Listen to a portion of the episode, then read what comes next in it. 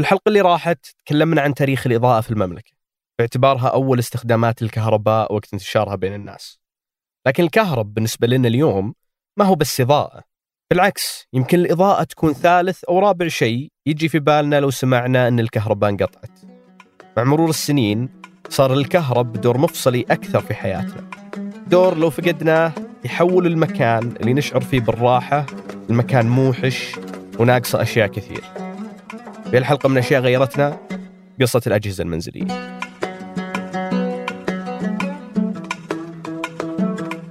يا هلا أنا مازن العتيبي وهذا بودكاست أشياء غيرتنا من إذاعة ثمانية. في كل حلقة راح نستعرض قصة شيء أثر أو غير في المجتمع السعودي مع المؤرخ الاجتماعي منصور العساف. رحلة البشر مع الكهرباء والتقنية بشكل عام هي رحلة لتغيير الظروف الطبيعية الصعبة اللي تحيط بهم. وبعد الظلام مباشرة جاء وقت الحرارة. تعرف الشعور السيء اللي تحس فيه لما تضطر تنزل من سيارتك في عز الصيف؟ في أغلب وجود البشرية كان هالشعور شيء ما تقدر تتفاداه خصوصا في مناطق صحراوية مثل السعودية. فإذا كان الجو حار فهذا معناه أنك تحس بالحر طوال الوقت. كانت الأجواء سيئة لدرجة أنه إذا جاء الليل كان في ناس تنام على السطوح عشان تتفادى الحرارة اللي كتمها المنزل الطيني طوال اليوم.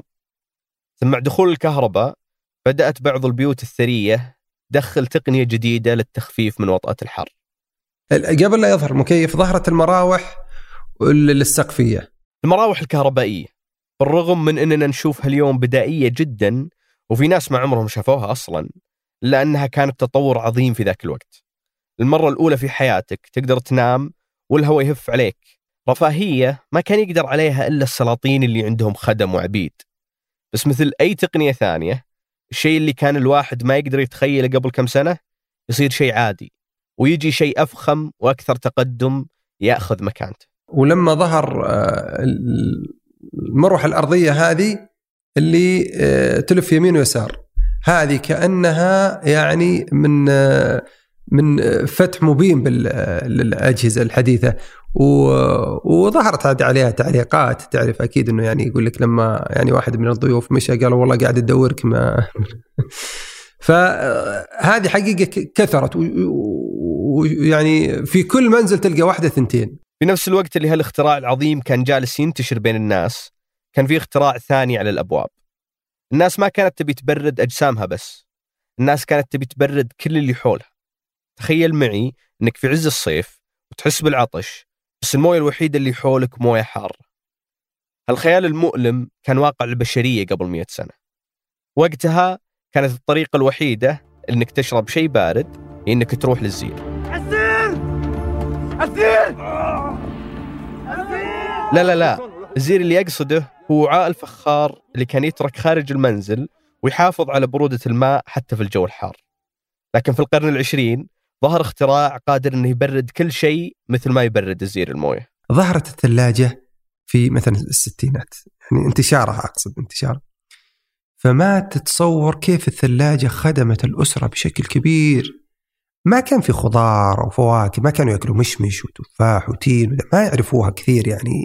موجودة بس ما توصل في تلك الفترة. يعني عام 61 81 ميلاد هجري. فعلا.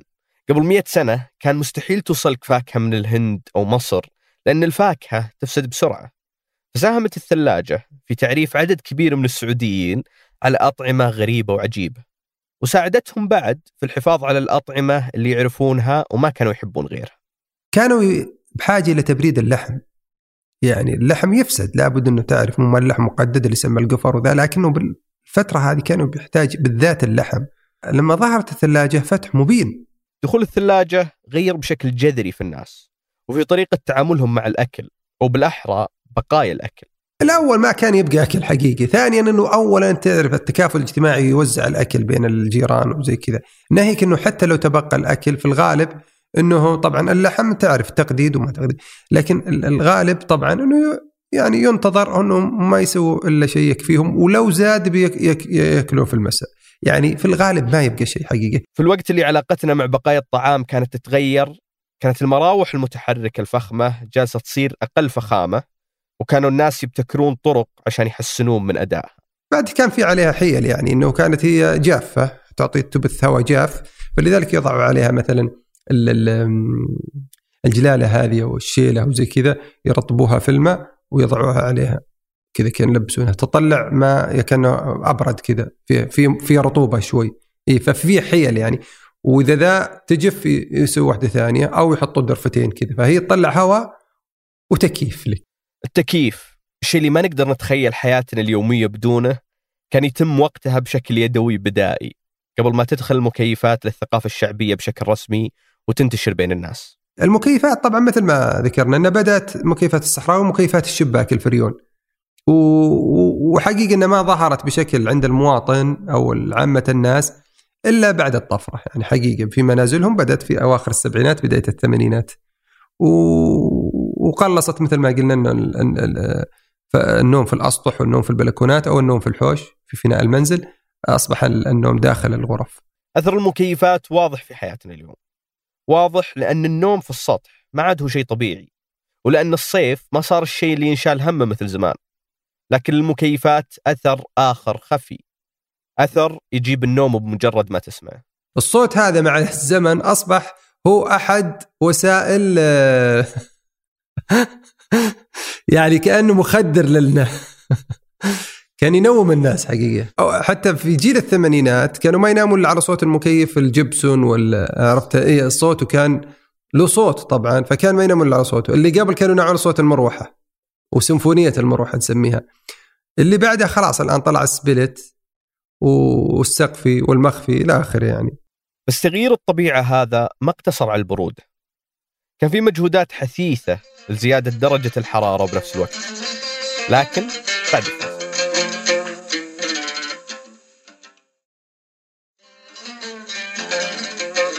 قبل فاصل كنا نتكلم عن المكيفات والذكريات اللي ما تنسى معها. بس في الجهة المقابلة كان في جهاز يشتغل بشكل معاكس المكيف لكن له نفس المكانة. الدفاية طبعا كانت أول آه تقليدية جدا. كانوا يحطوا حطب وخلفها كذا وتشب وموقد يعني خلينا نقول. وفيها من الدخان لابد يكون فيها تهوية إلى آخره. هذا الشكل البدائي للدفاية كان ما يختلف كثير عن عملية شب النار من الصفر اللي ما هي بالشيء السهل على فكرة. وكانت تنتج روائح ودخان كثير. ففي عز البرد إذا جيت تتدفى تحتاج تطلع برا عشان تشب نار. لكن مع الوقت تطور هالجهاز البدائي وقلت مشاكله. لكن بعدين ظهرت الدفاية الغاز. يوضع الغاز فيها وتشب ودفاية. روائح وأدخنة لكن برضو كانت دفاية حقيقة.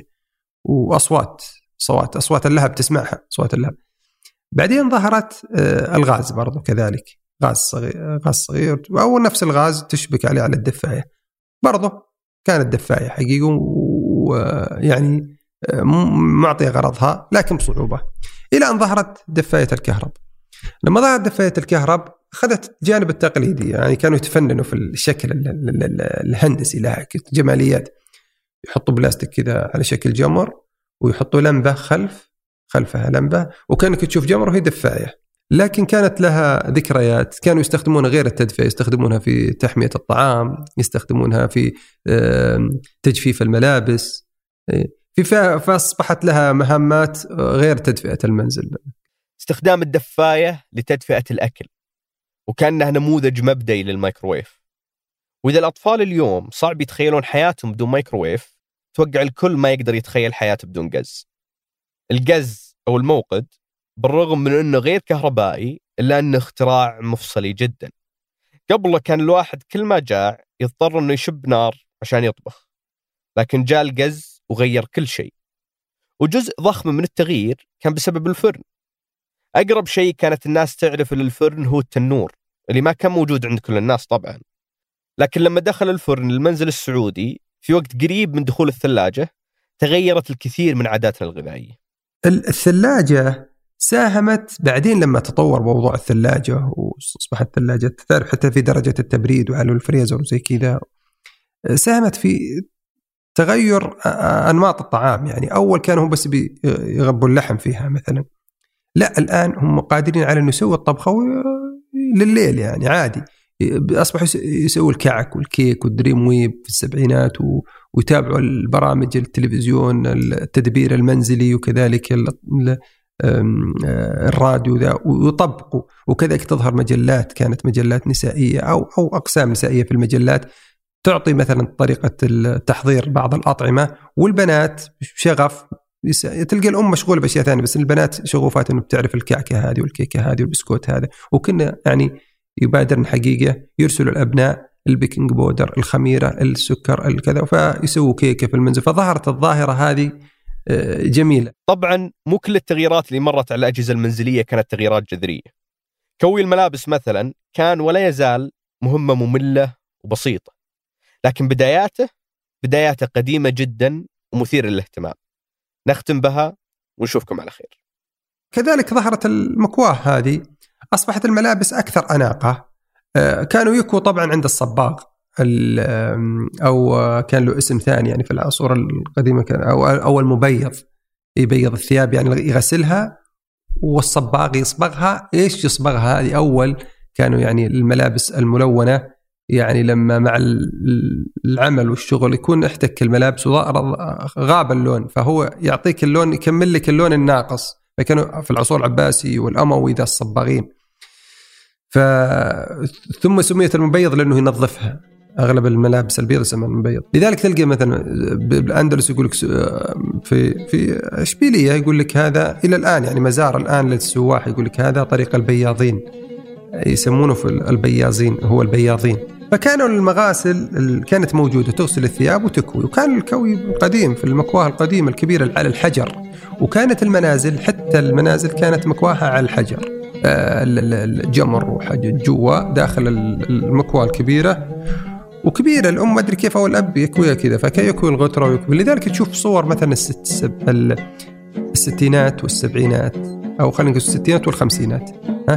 تلقى الملابس أنيقة وذا بس بمجهود هذه ما جت بأنيقة. يعني بس مجرد تطلع ويجيها غبار ولا شيء مشكلة. التعب بيكون على الأم ولا البنات والابناء وبعدين لا احتمى هذا لازم تستغل كل الملابس يعني وأنت عندك مهام ثانية. فكانت متعبة. لما ظهرت المكواه الكهربائيه وفرت حقيقة. هذه الحلقة من بحث وإعداد الرائع منصور العساف والرائع ثمود محفوظ. حررها الوليد العيسى وأنتجها صوتيا محمد الحسن وراجعها عبد الرحمن أبو مالح وسيلبا عبد الله.